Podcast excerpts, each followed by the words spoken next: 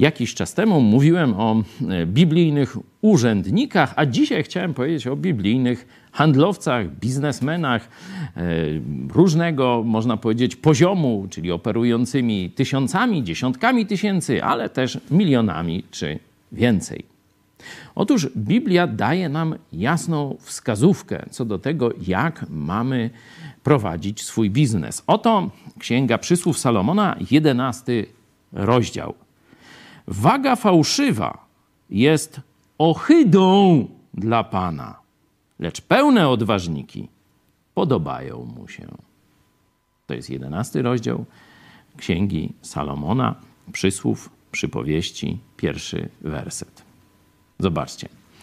Tu nie jest tylko takie zawołanie, no bądźcie uczciwi w biznesie.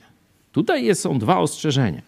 Po pierwsze, e, waga fałszywa, czyli oszukiwanie klienta, partnera biznesowego, także mu sprzedajesz jakiś towar, w rzeczywistości niepełnowartościowy, w jakiś sposób coś jest w nim ukryte, albo cena jest zawyżona, nieproporcjonalna do wartości tej transakcji, usługi, towaru itd. Tak Takie postępowanie jest ohydą.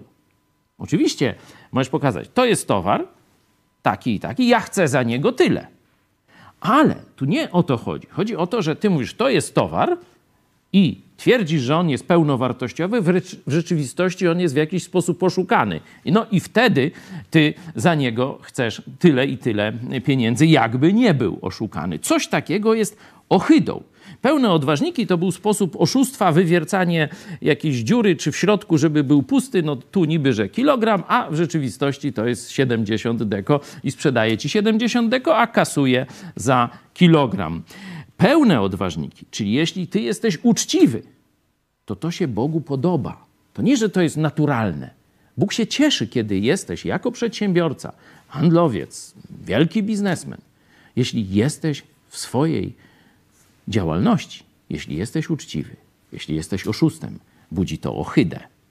Jeśli działasz uczciwie, to się Bogu podoba.